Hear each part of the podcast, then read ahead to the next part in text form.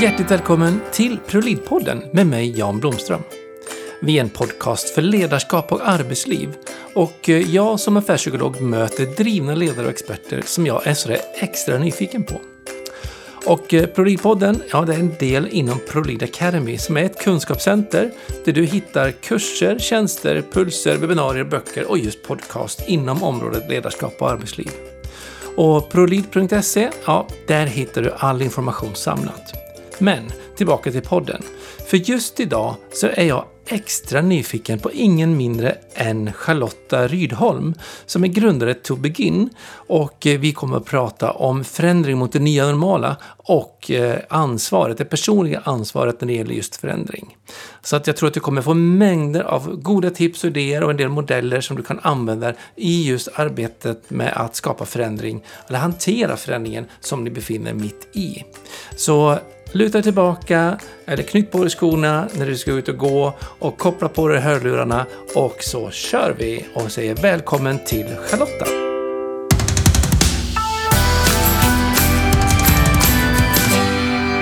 Hjärtligt välkommen till ProLid-podden säger jag till Charlotta Rydholm. Tack så mycket. Det är ju spännande under så här pandemitider hur man bygger nya kontaktytor och sånt där. Du och jag träffas ju inte bara på ett frukostmöte, för det gjorde vi inte.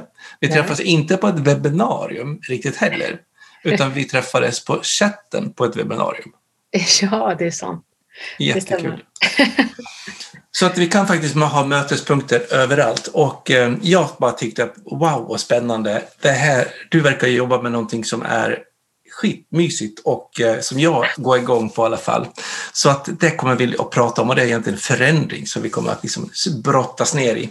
Men eh, kan inte du berätta lite mer för mig vem du är, men också för våra lyssnare så att de får en grepp om vad, vad, vad Charlotta är för typ? Ja, men såklart.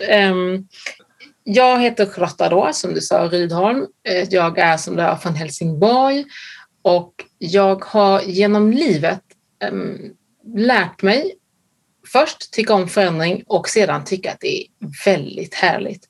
För i förändring så lär jag mig något nytt eller något annat eller något jag inte ville lära mig eller något jag inte visste. Så förändring har blivit någon slags motto i mitt liv. Mm. Jag tycker det är... Förändring sker på något vis, ju, tänker jag, vare sig vi vill det eller inte. Alltså, har du någon gång gått från nyfödd till 13-åring så har du genomgått en förändring årsvis. Mm.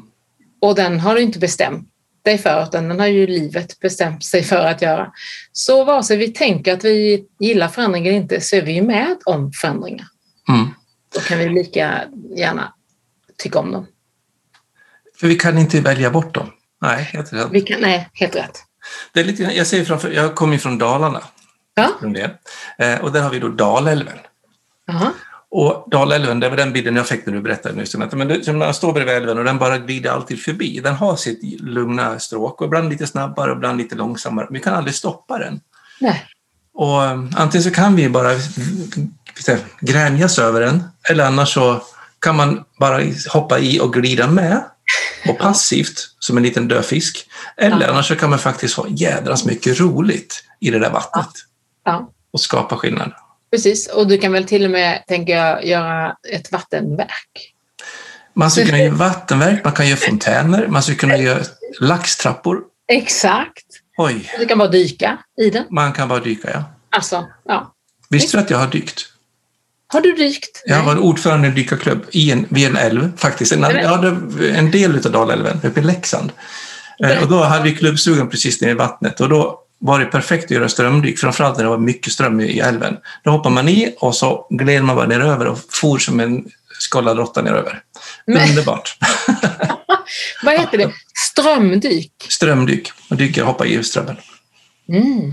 Så det är ett tips för alla ni som lyssnar. Strömdyk, eh, där shit.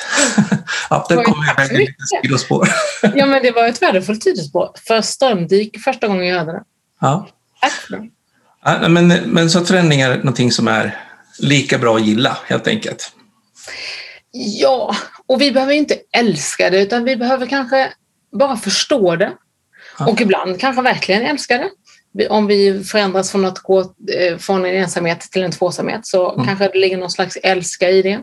Men annars så bara förstå det, veta vad det bär. Och här har jag till exempel, om vi pratar om organisationer i förändring, där bär de ett stort ansvar att berätta så att alla förstår varför vi behöver förändras. Och då behöver vi inte alltid tycka att ah, det är den bästa förändringen någonsin, men vi behöver acceptera den. För annars blir det motstånd och förvirring och oro på arbetsplatsen. Mm. Så vi behöver i alla fall säga, ja, jag förstår, jag accepterar, det är dit vi behöver gå. Mm. Och vi har ju haft ett år bakom oss nu med pandemin, tänker jag, som har verkligen satt förändring kanske ännu mer på sin spets än någonsin. Mm. Eh, I alla fall ser vi ungefär samma sorts förändring ungefär samtidigt alla och därför blir den hemskt mycket större, upplevs mycket större. Ja. Eh, hur upplever du att eh, vi har varit duktiga då på att liksom tala om för hur, vilken förändring vi behöver göra på arbetsplatserna under det här året? Mm, jag upplever nog att um, det finns en förbättringspotential, ja. vilket är trevligt för ja. förbättringspotential betyder ju bara att vi kan göra saker ännu bättre. Men inte så konstigt heller kanske, pandemin kom ju inte så planerat. Så vi har nog gjort vad vi kan och gjort vårt bästa. Och, um, och vi, jag tror att många organisationer inte vet själva hur, hur ska vi förändras? Vad ska vi förändra?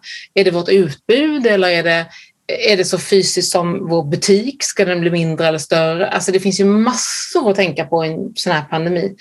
Eh, vilka konsekvensanalyser som vi ska göra.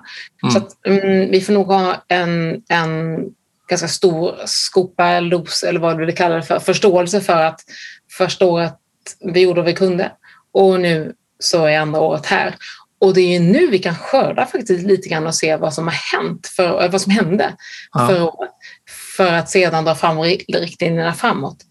För om vi pratar om digitalisering till exempel, om de digitaliserade ändrade mötena, workshopen och arbetsmiljöerna till och med som blir digitala. Ja.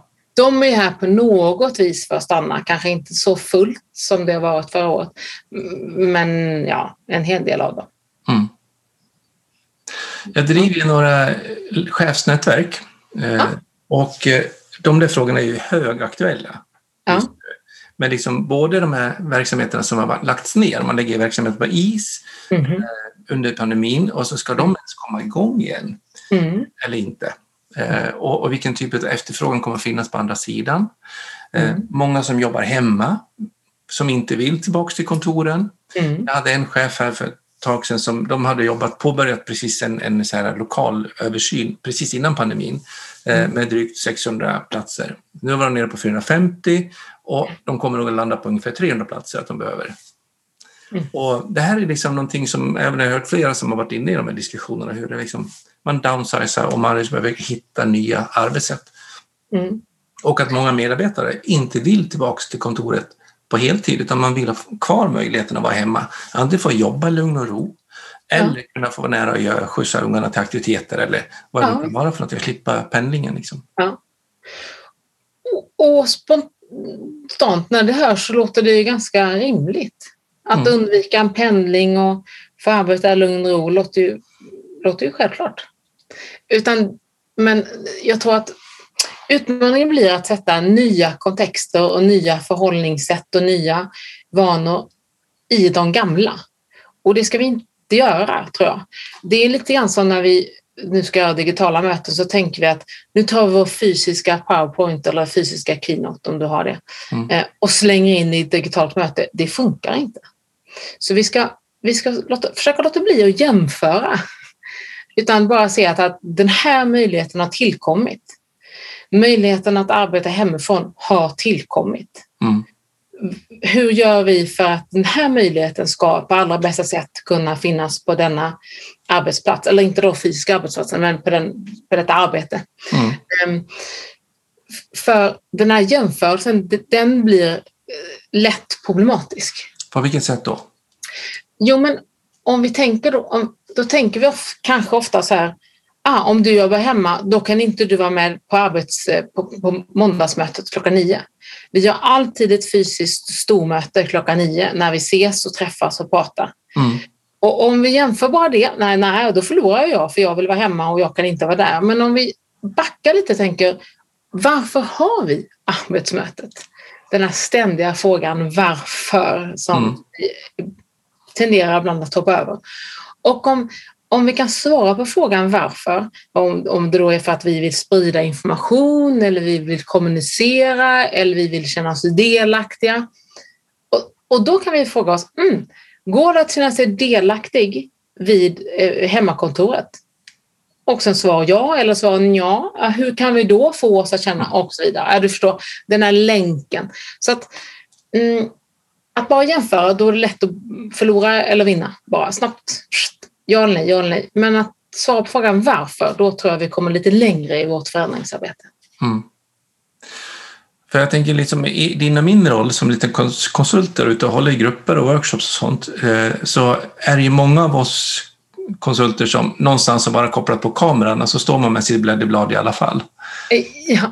Och, och det är liksom den, den, mest fysiska formen som man gör digitalt som det någonsin går att göra tycker jag.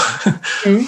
Eh, och där finns det ju otroliga spännande möjligheter att fundera på, just som du säger, effekten, vad vill vi uppnå och hur kan vi använda plattformar och teknik eh, för att kunna skapa den, det syftet liksom. Ja. Och som är finns... långt släppare än man har suttit fast i. Och det är väl det du säger va? Ja, det är, det är precis det där. Och det, och jag, det finns så många saker. Alltså nu till exempel det här att vi har podd, poddvärlden. Att bara kunna lyssna. Vi kanske ska ha ett nio-möte på en måndag om det nu ska vara nio och om det nu ska vara på måndag. Som innebär att vi bara får så här, gå ut och lyssna. Vi får kanske hemskickat en, en, ett äpple eller en kopp kaffe från mm. företaget. Gå på din promenad, ta med dig kaffet här i handen, äpplet är från, är från din närmsta chef och gå runt på ön som vi två bor på varsin ö eller om det är runt kvarteret om du bor i en stad eller gå runt i skogen. Ja. Och lyssna på vad vi har att säga och så kommer du tillbaka. Och så har du en medarbetare som har varit värnat om sin hälsa, fått starta dagen på bästa sätt, undvikit att sitta i bilköer, fått vara hemma, fått känna sig och så vidare. Och så vidare. Så att mm, när klockan är 20.10 så har du kanske en medarbetare som både vet allt den behöver veta och känner sig redo för dagen. Mm. Istället för att bara suttit på det mötet och, och sen klagat. Innan, kanske, och innan det suttit i bilkö. Mm. Kanske då. Så, mm. så släppa sargen lite grann och våga tänka lite nya former och nya paketeringar. Ja. Men jag tycker ju om att träffas. Det blir mycket mer på riktigt om vi ses på ordentligt. Brukar man ju säga. Eller brukar jag höra. Ja, ja det, och det är väl... Eh, ja, och, och då är... Ja, vad ska man säga på det? Det behöver man inte... Ja, kul, det är väl kul att träffas. Ja. Nu kan vi inte det. Så, så vad kan vi göra då? Alltså, jag tillhör ju en riskgrupp. Jag har något som heter multipel skleros sedan mm. 2003. Så jag, tillhör, eh, jag, är inte, jag är ingen fan av att få, eller jag får inte vara ute så mycket bland folk. Um, och det har jag inte känt mig så länge, men jag är ju klassad som en väldigt social människa. Men jag varit i princip inlåst då i ett år. Därför att så är det. Mm. Och vad kan jag göra då? Ja, jag har kunnat göra väldigt mycket. Så att, det man kan. Och jag, jag tänker också ja. alla digitala möten som jag har varit på i alla fall, där man börjar säga ja, välkommen till det här, det var ju synd att vi var tvungna att ha digitalt. Bara där är ju bara ja. nej. Så att alla ni som lyssnar, ja. har ni ett digitalt möte, ha attityden, hej, välkommen till våra perfekta val av mötesform. Jag, jag, Utifrån den situationen som råder. Jag håller helt med John. Och till exempel om vi då skickar ut en ljudslinga istället för att lyssna eller har som du sa ett digitalt måndags, om vi nu har det här måndagsmötet som referens. Ja. Och vi ses på det där digitala mötet. Och vi innan dess kanske har, vi kanske har gjort hemmagympa på SVT tillsammans i, i gruppen utan att göra reklam. Det finns massor med andra gympa. Ja, det är väl det man får göra reklam för i så fall. ja, um, och, och, och då kan du istället säga Hej, tack för möjligheten att vi nu har gympat tillsammans i 20 minuter och nu ska jag berätta om fem nyheter som företaget och organisationen har. Mm. Och efter dem så är 20 minuter till klara och då, vare sig ni är hemma eller ute och går eller vad det nu är, då startar jobbet tillsammans. Mm. Alltså det är en underbar start. Så enkelt är det också att skapa en förändring än att då jämföra. För det var precis det du gjorde Jan. Jag sa, åh jag är ledsen vi behöver ha ett digitalt möte. Då jämförde du med hur det var innan. Ja, och det är som att kortsluta batteriet. Du, ja. Ja. De har kommit, då har medarbetarna varit och gått, lyssnat på ljudslingan. De är pigga och alerta, fått till loss endorfinerna, de har tagit Ja. till sig kunskapen. Eh, chefen kan gå in och ta, tala om de fem syftena med varför vi ska genomföra förändringen. ja. Typ. Eh, och eh, hur, sen ska man då säga, ja okej, jag gillar det inte men jag köper det. Liksom typ. Hur Ja. ger man kvittot? Har du något bra sätt på hur man kan ge kvitto på, på att man har tagit emot budskapet och committar till, till det nya? Ehm, jag brukar säga till, till chefer som jag antingen är mentor till eller Eh, vi, eller vi delar på mentorskapet eller är med i mina utbildningar. Eh, tre tips är så här, sluta prata, börja lyssna, eh, sluta veta, börja fråga och sluta tro, börja göra. Det vill säga att sluta prata så mycket om förändringen utan börja istället lyssna på vad är förändringen för andra? För att kanske är det så att du som chef uppfattar förändringen som mycket, mycket större än medarbetarna. Mm. Så om du lyssnar så kanske du hör så här, åh, den här var väntad. Den kanske till och med var efterlängtad. Mm. Det kanske inte ens är en förändring för några. Eller så är det en jättestor förändring. Men den kanske är fortfarande efterlängtad. Vem Mm. vet? Jag Ja. behöver lyssna. Och det andra med att sluta veta, börja fråga. Det är just det där, istället för att säga, du kanske har hört meningen innan, så här är det. Eller forskningen säger att, eller man, man måste, vilka är man och vilka, måsten? Men Mm. istället var, sluta veta då och fråga medarbetarna. Vad vill du ha för hjälp? För den här förändringen, den har vi bestämt. Den här behöver vi göra. Så hur kan jag hjälpa dig för att hoppa upp Mm. på vägen fram och vara med i förändringen? Du behöver inte ligga längst fram och köra 190, men du kan väl vara med på vägrenen? Så Mm. vilken hjälp behöver du för att vara med på vägen framåt? Mm. Fråga. Och det här med att sluta tro och börja göra, det är någon slags, det kallas på engelska för en prototyping mindset. Alltså att vi istället för att eh, bestämma oss för fem år långa affärsplaner eller så här ska det se ut i tre år framåt. Att vi börjar göra små förändringar, små, små, små, små förändringar hela tiden. För då blir vi ganska vana vid det. Mm. Och då blir inte den här stora förändringen så stor. Så man bara dygnar ner under tyngden liksom utav. Exakt. Och som antagligen inte är aktuell efter tre månader för då har det hänt något nytt igen. Helt så. Så de tre brukar jag, brukar jag berätta. Att Mm. tänk, tänk så här. Det jag hör hemskt tydligt i det du säger, det är vikten av att inte gå in och förhandla beslutet. Mm.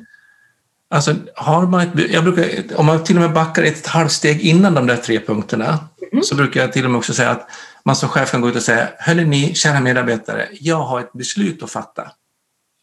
Ja. Ge mig lite input till vilket beslut jag borde fatta åt det, i den inriktningen. Mm. Då får man ju in ett undermaterial som jag tar in, jobbar, klipper och klistrar i, lägger till lite grann, drar bort lite grann och sen går man ut och så säger man, hörni ni, nu har vi de här fem punkterna, nu är ni ute och gått och lyssnat på ljudslingan. Ja. Då har man redan det man kallar, i psykologin kallar för foot in the door-principen. Aha. Vad heter den man-? Säg igen. Foten i dörren-principen. Äh, Man får in, foten. Jaha. ja, eh, så att det, är liksom i och med att vad man än nästan har, har, har säga, man kan nästan klippa bort allting Just. från det som inputen som har kommit. Mm. Eh, för då kan man i alla fall gå ut och säga, det här jag presenterar nu, det skulle jag aldrig någonsin kunna göra utan att ni hade bidragit med ert input. Ni kanske har lite svårt att känna igen det, men här ser ni eran lilla dert.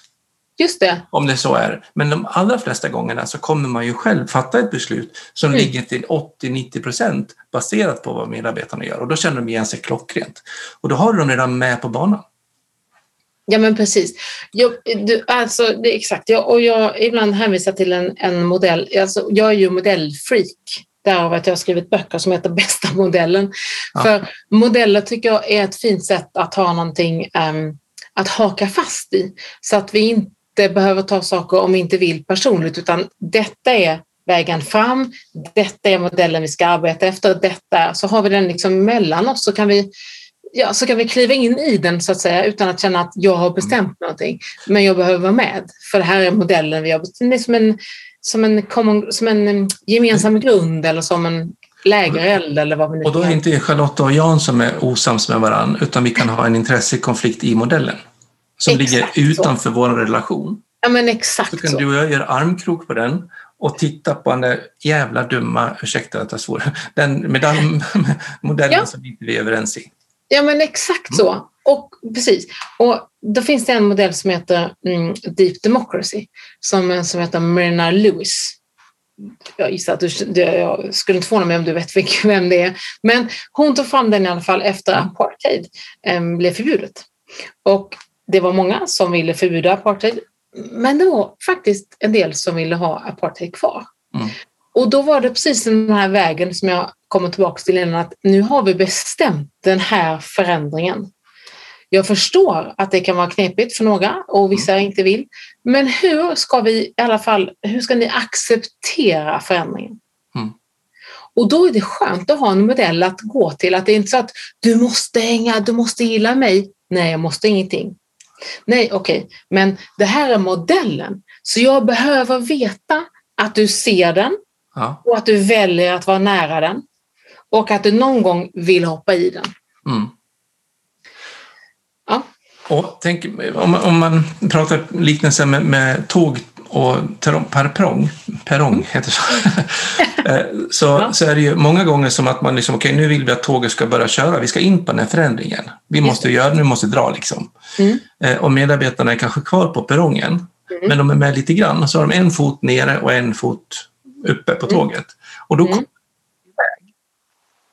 Och då, och då förhandlar man, liksom, ska vi eller ska vi inte mm. åka iväg? Ska jag vara med på det eller inte? Men liksom att tåget går, det är icke diskutabelt. Precis. Varsågod och kliv på eller kliv av. Ja. Eh, det är inte okej okay att vara på jobbet och göra som jag gjorde förr. Nej, för, Nej. för förändringen är bestämd åt något håll, vilket håll det nu är. Ja, och, och gillar man det... den inte, då kanske man inte vill vara med på den tåget. Och Precis. då får man gärna kliva av, men kliv av ja. då. Men då, då, då, och då är det välkommen att antingen kliva av eller på. Och det fina tycker jag som är viktigt är att vi vänder oss mot dem som har ett på och ett av och säger hur kan jag hjälpa dig att ta beslutet? Ja. För att en, en fot utanför en fot, det kommer göra ont sen när vi åker genom en tunnel. Så det, det vill vi inte. Nej. Så jag vill hjälpa dig. Hur kan jag hjälpa dig att antingen kliva på eller kliva av? Mm.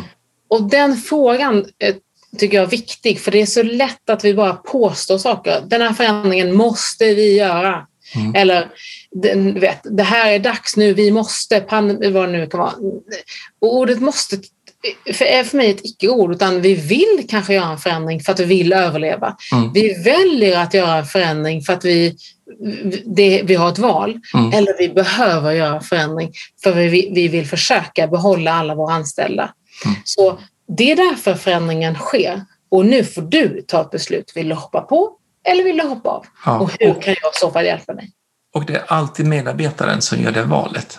För om man tänker sig den här negativa bilden utav det, då är det ju chefen som säger att ja, men, nu, det här bara måste vi göra. Nu kliver du banne mig på, ja. annars så får du sparken. Liksom. Ja, precis. Och då, då har man ju något så hotat och det är inte ett ledarskap ju. Nej. Utan här behöver vi verkligen göra så att tåget ska gå. Ja. Beslutet är fattat, det är inte diskutabelt. Ja. Ja. Eller du hade möjlighet att bidra till beslutet för tre månader sedan. Det kommer bli en utvärdering om två år. Men nu är det, det är fönstret stängt. Så nu hjälper jag dig att antingen kliva på eller av, men det är ditt val. Den finaste formen av ledarskap när vi, när vi gör saker tillsammans till en viss gräns. När vi kan hjälpa, då hjälper vi. Mm. Eh, en annan sån sak som jag tänker på när du pratar om det där, eh, du pratar lite grann om vägen, det brukar nämligen jag också göra, fast det är säkert en annan väg. Ehm, men någonstans så har ju vi alla som jobbar på en arbetsplats suttit på en anställningsintervju och haft ut armarna och sagt mm. Kära blivande arbetsgivare, anställ mig för jag skapar skillnad. Jag hjälper dig att skapa underverk på din arbetsplats. Mm. Mycket bättre än alla andra som har sökt jobbet. Mm, mm. Och alla har ju sagt det så pass bra så mm. att de har fått jobbet. Mm. Sen kanske inte man vet att det är det man har sagt, men, men grund och botten är ju att jag har förmedlat att ni har ett behov som ska uppnås, ett Mm. jobb som ska göras. Jag är den som hjälper er att få till den måluppfyllelsen. Mm. Och jag gör det bättre än de andra som söker. Mm. Eh, Och då kommer jag till min jobb, jag blir erbjuden jobbet, jag kommer till min arbetsplats och sagt ja till det som var tåget ska någonstans. Ja. Och om jag då plötsligt säger, nej men du, jag vill nog inte åka med det där tåget. Då, då är jag ju liksom tillbaka. Jag måste ju bara, vad är det jag har sålt in? Vad har jag erbjudit min arbetsgivare när jag kommer och visar mig anställningsbar? Och det är ju faktiskt att skriva under på att jag hjälper min arbetsgivare och min arbetsplats att utvecklas på det sättet som är bäst för arbetsplatsen. Ja, men jag, och jag hänger inte... Vad är, vad är det för... Vad är mots... Vad är det... Mm, vad vill du att jag ska svara? Nej, jag tänker nog bara högt. Jag tänkte, hmm, ingen För- motsättning kände jag, utan det var ju... Vi gör det ju var nämligen-. Ja, men det blir en be- bekräftning egentligen på det. För att många gånger om det här äh, inte fungerar bra, då har ju någon som suttit där lovat att jag ska hjälpa arbetsplatsen. Mm. Och sen så när jag kommer vi till ett behov att arbetsplatsen ska ändras, så säger jag nej, jag vägrar. Jag vill inte kliva på. Jag, jag Aha, vill inte in i förändringen. nej. Då blir man kvar på perrongen eller man är liksom vrång och man liksom kör, committar inte. Utan så att jag säger aldrig det här att okej, jag köper, jag gillar inte förändringen men jag köper den väl då. Utan man Mm. försöker motarbeta den. Mm. Och Mm. man är lite vrång och man smiter undan och man duckar under radarn och man liksom slingrar sig. Och det, Ja. inte, det var inte det man lovade på intervjun. Nej. Det var inte där jag tror min lång, långdragna koppling var. Men jo, jag tänker att en, en vanlig fråga är väl, är väl bara att eh, konfrontera det och säga eh, vi, vi upplever att tåget just nu, eller jag, jag märker att tåget har en bromskloss.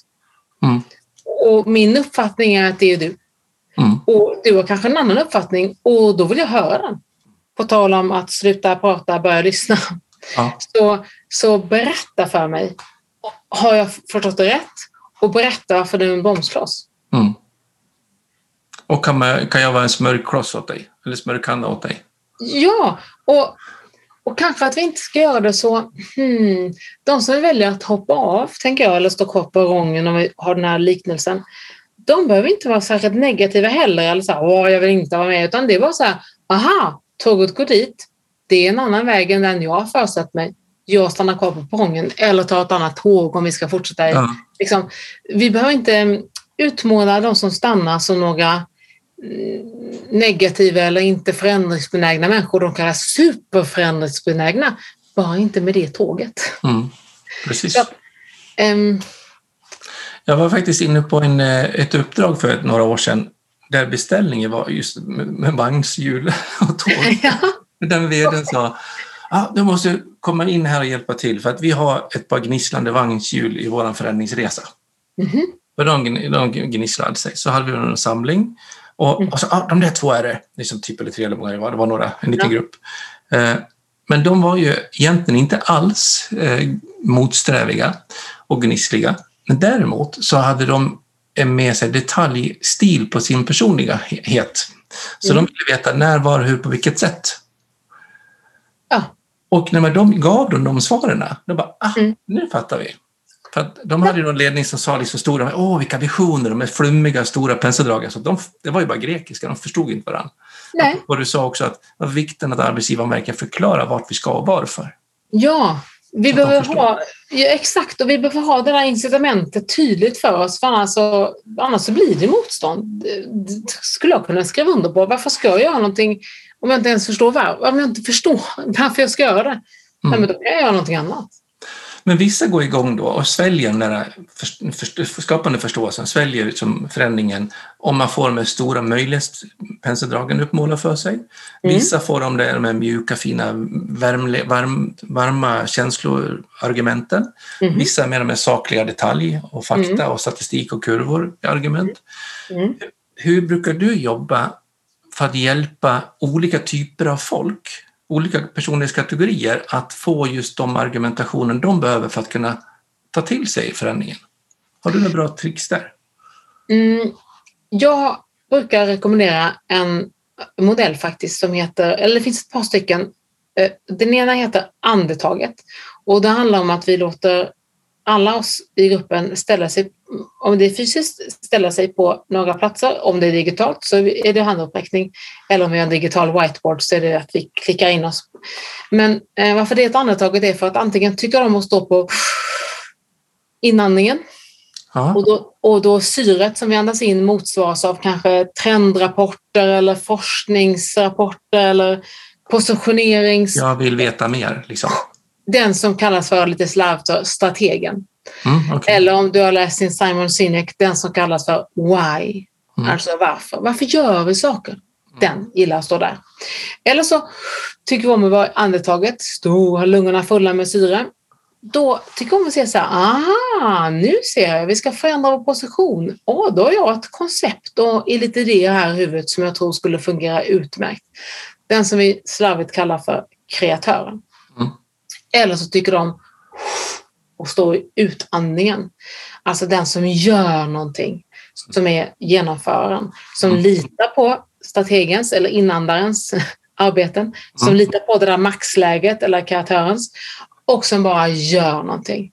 Och det låter ganska likt why i början. Varför ska vi göra någonting? Mm. How i mitten. Hur ska vi göra någonting? Eller vad är längst bort? Vad ska vi åstadkomma? Eller vilket resultat ska vi ha? Och så har vi några som heter kopplare mellan, emellan de här tre stegen som kan koppla och som kan översätta diverse språk eller o, om det är otydligheter. Mm. Och, och när vi ser hur organisationen eller gruppen ställer sig så ser vi också, aha, de här behöver de här, eh, antingen orden eller underlagen eller den här pratförmågan. Mm. De här behöver det och de behöver det. Så det syns ganska tydligt då var vi står och var vi är. Och det syns också kanske i företaget var vi inte står. Mm. Var vi kanske då behöver hyra in resurser eller var kanske någon vill stå men aldrig vågat stå. Mm. Kan vi uppmuntra någon att förflytta sig? Och Eller- jag kan ju tänka mig också att när man jobbar tillsammans och är på samma Ja. arbetsplats eh, och så ser man sina kompisar ställa sig där, då får ju oftast hemskt många poletter att ramla ner. Jämfört med om man kommer in som, som oss och ska liksom bara arrangera och hålla i det, då känner man dem inte på djupet. Men att när man verkligen vågar, ja det där, Nej, men Jan, det är precis som du säger. Därför att det händer hundra av hundra gånger när jag gör den här övningen att någon står och säger att du och jag ställer oss nu här borta vid, på strategsidan. Och så ställer vi oss där och så tittar du på mig och säger Va? Står du här? Mm. Och jag svarar ja. Men om du Jan har trott att jag står på genomföraren, då blir du ju ständigt besviken på mig. För jag gör, jag genomför ju för sjutton ingenting. Men det ska jag ju inte. Alltså Nej. jag ska ju genomföra, jag ska vara här på strategsidan. ja, Så den ger ju en väldigt bra blick över till exempel besvikelser eller förvirring eller otydlighet. Att jaha, står du där? ja, Ha, då förstår jag varför det inte händer någonting med rapporterna jag skickar. De blir bara bättre. Ja, Mm. det blir de för att jag är också strateg. ja. Om vi får, om vi får liksom göra det så enkelt för oss. Och, ja spännande. Hmm. Det är Du, väldigt du hade en metod till också.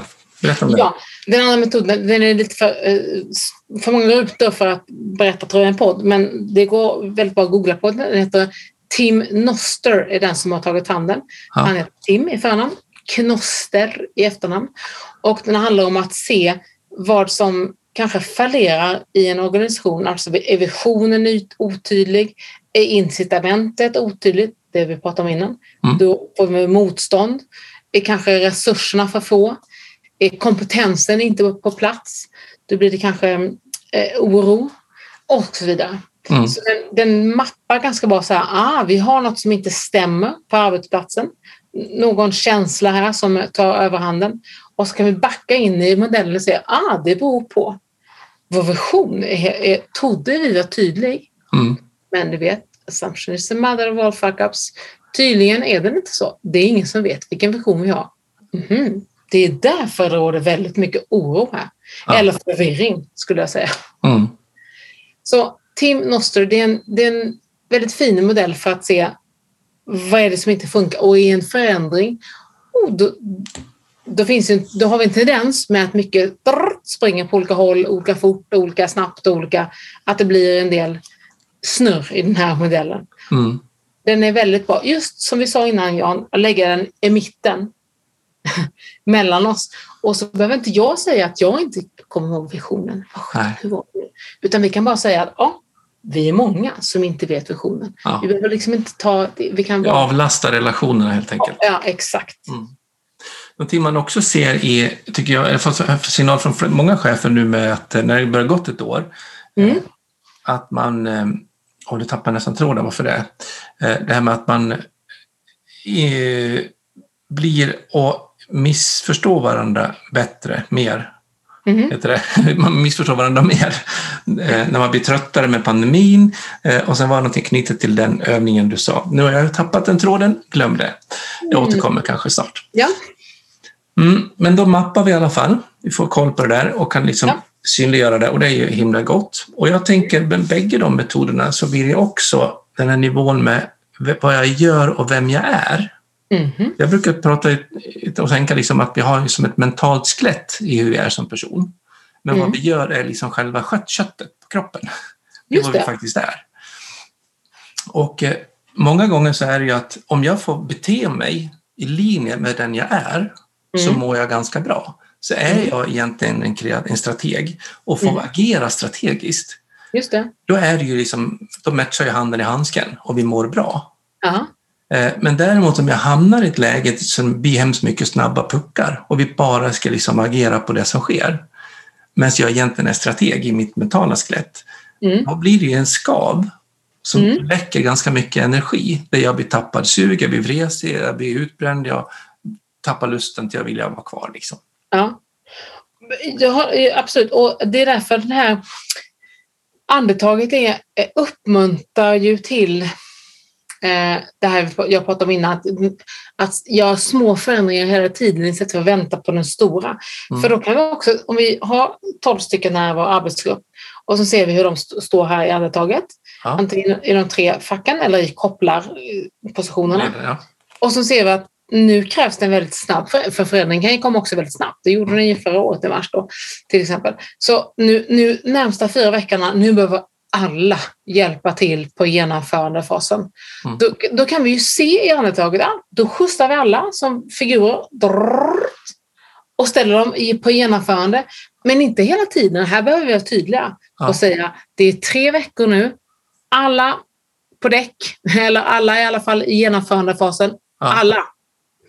Och sen efter tre veckor ser vi, ah, har vi klarat den här förändringen? Ja. Vad Så vill man vi- får gå vad kan vi- tillbaka och vila och ladda batterierna i sin Exakt, hemmabås igen. Liksom. ja. Ja. Och det där tror jag att vi är duktiga på att inte göra så att säga. Ja. För det är lätt så här, mm, jag började som det och sen blev jag det och sen så, mm, du vet, Mm. de här, vi bara flyter runt. Det är ju charmen i sig att flyta runt och bara kunna ta olika positioner. Men vi behöver vara tydliga och framförallt i förändringslägen när det finns ganska mycket utrymme för rädsla och otrygghet Mm. att se, här är vi just nu. Eller här kommer vi att behöva vara Mm. i fyra veckor framåt. Och det där är ju någonting som man kan, man kan ta upp med sin terapeut. För det handlar egentligen om vikten att lära, läsa instruktionsboken om sig själv. För att det är populärt idag att alla ska kunna allt. Typ. Mm. Man ska vara så mångfacetterad och man ska vara duktig på så mycket. Mm. Eh, Men vi måste, tror jag, vara bättre på att vet, liksom ha koll på vad, vi, vad jag går igång på. Vad är min bås någonstans? Där jag faktiskt kan vara och ladda batterin samtidigt medan jag presterar. Mm. Och vilka boxar som jag är på, vilka beteenden jag kan göra men som jag går back på mitt batteri. Som jag bara får vara det korta stunder för sen måste jag hem igen och ladda där jag mår bra. Ja. Eh, För det handlar inte om att jag kan, jag får inte skylla på jag är bara en sån så jag kan inte göra med andra utan Nej. jag behöver koll på vart behöver jag för att hålla i, i det långsiktiga. Och då har vi ett otroligt stort ansvar att Ja. inte låta tunsas runt utav arbetsgivare, grupptryck, omorganisationer eller vad det nu kan vara, utan bara säga hallå, det där tåget leder in på ett spår där jag faktiskt inte kommer att prestera bra. Nej, precis. Nej men exakt. Och, och det här hjälper ju. Tågreferensen eller antagsreferensen, eller vad nu, det handlar ju någonstans om tydlighet. Mm. Alltså så här, hur tydliga kan vi vara mot varandra var vi är? Och jag upplever att när vi blir förstådda så har vi då öppnar vi ofta oss till att vara väldigt hjälpsamma och kunna gå både höger och vänster, upp och ner och, och fram och bak. Vi behöver först bli förstådda, alltså få svar på så här, varför är jag här? Ja. Vad kan jag tillföra? Vem är jag? Och när vi vet det, då kan vi säga jag kan vara vem som helst i tre veckor. Om, jag, om ni också vet att det är här som jag är som bäst. ja. Men jag kan gå över och hjälpa till. Men jag, ja, jag hjälper gärna till. Ni, är- gud, ni är mina kompisar. Jag hjälper gärna till. Men ni vet väl vem jag är från början? Ja. Och referera kring det. Och det där är, jag tänker, om man vill flytta in dig på massa olika ställen hela tiden. Liksom Mm. tre veckor där, två veckor på nästa och sen skulle Mm. du göra en månadssession i någon annan box och du får aldrig hem och ladda hos din egen box. Eh, då tror man ju ibland, jag stöter på lite för många sådana som säger att oh, men jag är så duktig för jag säger alltid ja. Ja. Och i min värld ja. så, som psykolog, så jag brukar jämföra med, med, med fram och baksidan på medalj. Vi är så himla duktiga på att tala om på arbetsmarknaden idag om vilken medalj, vilken är min framsida på min medalj, vad är min styrka? Mm. Och ju större styrka jag har, desto större visar jag på min medalj. Mm. Men ju större medaljens framsida är, desto större är också baksidan. Ja. Den kommer liksom som ett brev på posten. Ja. Med skugg, så det är skuggorna, det är rädslan, det är nackdelarna. Mm. Jag brukar säga att eh, om jag är jättelång så är jag hemskt bra på att eh, vara lång, men jag är ganska dålig på att vara kort. Det, är liksom, det blir en motsatssituation där. Och tydlig referens. Ja. Och jag tänker liksom att då måste vi ha koll på vår skuggsida. Så Ja. att jag blir bra på att låta bli att, eh, att, att säga jag kan säga att jag måste kunna säga nej. För att om, om man blir placerad och går med på alla och alla tror att ja, men då säger jag ja överallt, jag är så attraktiv idag. Mm. Så är det i min värld nästan att man låter bli att säga nej. Just det. Och låter man bli att säga nej, Mm. då säger man aldrig ja. Mm. Om du har inte sagt ja till att gästa podden idag, Mm. utan du har sagt, låtit bli att sagt nej. Mm. Jag frågar dig, vill du vara gäst i podden? Och du låter bli Mm. att säga nej och då hamnar du bara här, Mm. helt utan din vilja, bara för att jag råkar Mm. fick en idé. Mm. Då skulle inte det alls bli samma typ än att jag frågar, skulle du vilja? Och sen det kan jag säga ja eller nej till. Nej, men jag väljer nog att säga ja. Mm. Då har du en helt annan approach i den situationen. Och där tänker jag också ni som lyssnar, fundera lite grann på hur många av era medarbetare, och er själva såklart, Mm. eh, är det som, lo- som faktiskt säger ja till någonting eller om det handlar om att vi låter bli att säga nej. Mm. Och då, för att kunna säga ja så måste vi säga nej till andra saker. Mm. Alltså måste vi ha gjort hemläxan med vår terapeut om vilken ruta behöver jag gå och ladda i och, så att inte jag bara blir hunsar runt på massa. Men, och då undrar jag så här, jag har inte självklart svar på det och det är väl underbart att vi inte har svar på allt utan jag skickar ut frågan och så ser vi om du vill svara på den. För jag tänker också att ehm, ehm, vad är det jag tänker? Jo, att vi behöver ehm, att kunna säga nej, att inte det behöver ibland eh, avkrävas en förklaring utan det, det räcker med ett nej. Ja. Alltså, eh, känner du igen att ibland så när vi behöver säga nej så behöver vi förklara varför? Ja. Det är för att jag har ett annat möte när nästan, eller vi, vi, vi hamnar liksom att vi ska förklara vårt nej Ja. som att det är något negativt. Mm. Ja, nej, negativt, om orden är liknande. Det Och blir- en svaghetstecken, att du inte klarar av att säga ja.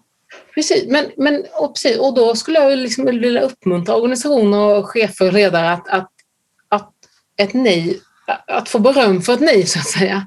Att ett nej inte handlar om nej, ja, såvida inte det är ett nej, Nej. bromskloss, tåg, Mm. så att säga, utan att det är ett nej för att jag tar ansvar. Mm. Det är ett nej som betyder att jag säger nej nu för att kunna säga ja till något annat som vi Mm. behöver i organisationen. Det vill säga, det är smart av mig att säga nej nu. Mm. Så vi tillåter nej-säga. Ja, det, förstår du vad jag menar? Liksom att, Alltså, alltså jag hade en, jag hade en, en chef i chefstöd som, hade, som, såg på Paradise Hotel eller någon typ av sån där serie. Mm. Det var ganska hög chef. Men det där var liksom verkligen andningshålet för, för, för henne. Att liksom verkligen bara sitta där och bara låta gå in i ena örat och ut i andra och engagera sig. Men hur kunde hon säga sådär? Liksom, eller vad det nu var. ja, ja, visst. Så hon så fick ju gång på gång säga nej, det gick, hon kunde inte vara med på kvällsmötet. Aha, för då var Hon det... skulle se på Paradise Hotel. typ. Ah, vad härligt.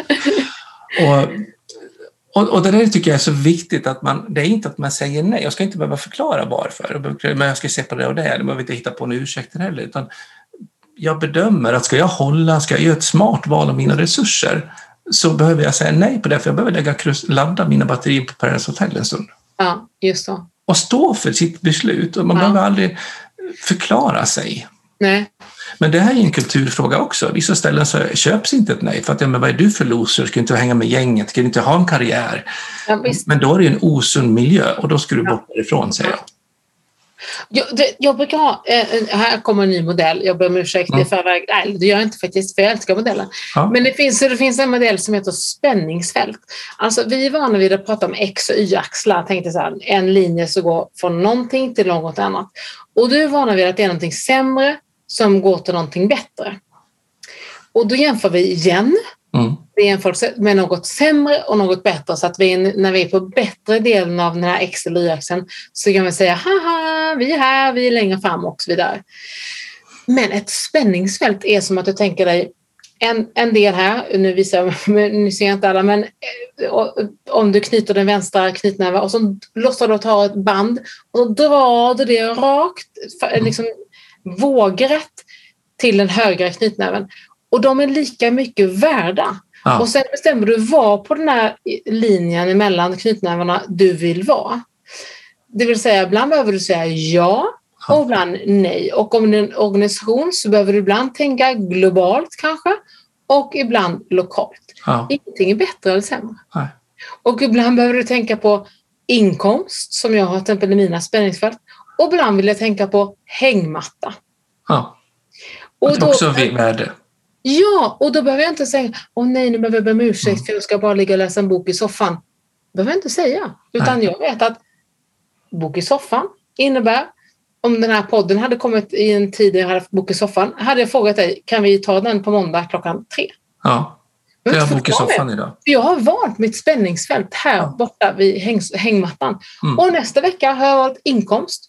Och då tänker jag, eh, om vi ska ha poddreferensen, bara med podden säger vi. Ja. För att det kanske kan ge en inkomst eller vad det kan vara. Och då ja. har det börjat vara i, på den sidan. Ingenting är sämre eller bättre utan det är bara två tydliga beslut. Ja. det där aktiva valet som du och jag pratade om lite innan podden startade. Och kulturen är ju ibland att man då tycker att vissa är mycket bättre än andra.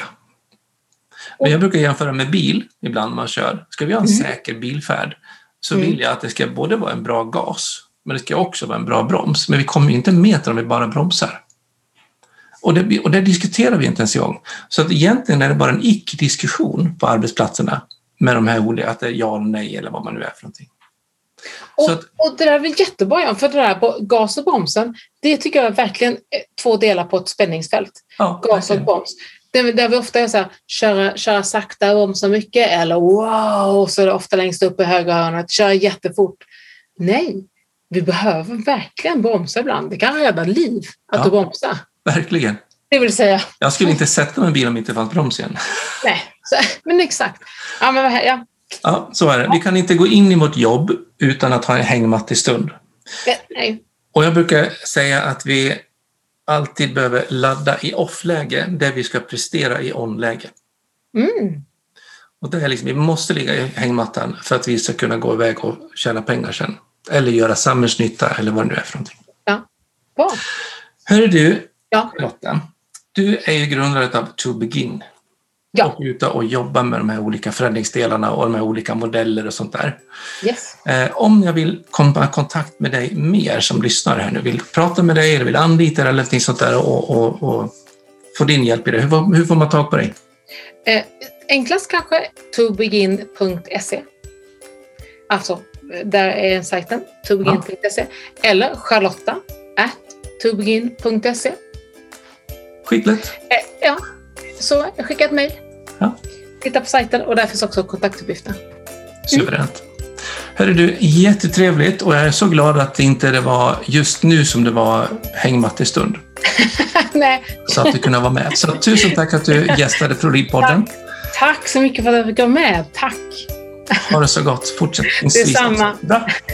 Hej då. Hej, hej. Om du gillar avsnittet, ge då tummen upp och följ oss så blir vi jätteglada. Och passa även på att följa oss på LinkedIn, Instagram och Facebook. Både när det gäller ProLead och mig själv Jan Blomström, ja, så lär vi ju faktiskt känna varandra ännu lite bättre. Ta hand om dig så hörs vi vid vårt nästa avsnitt.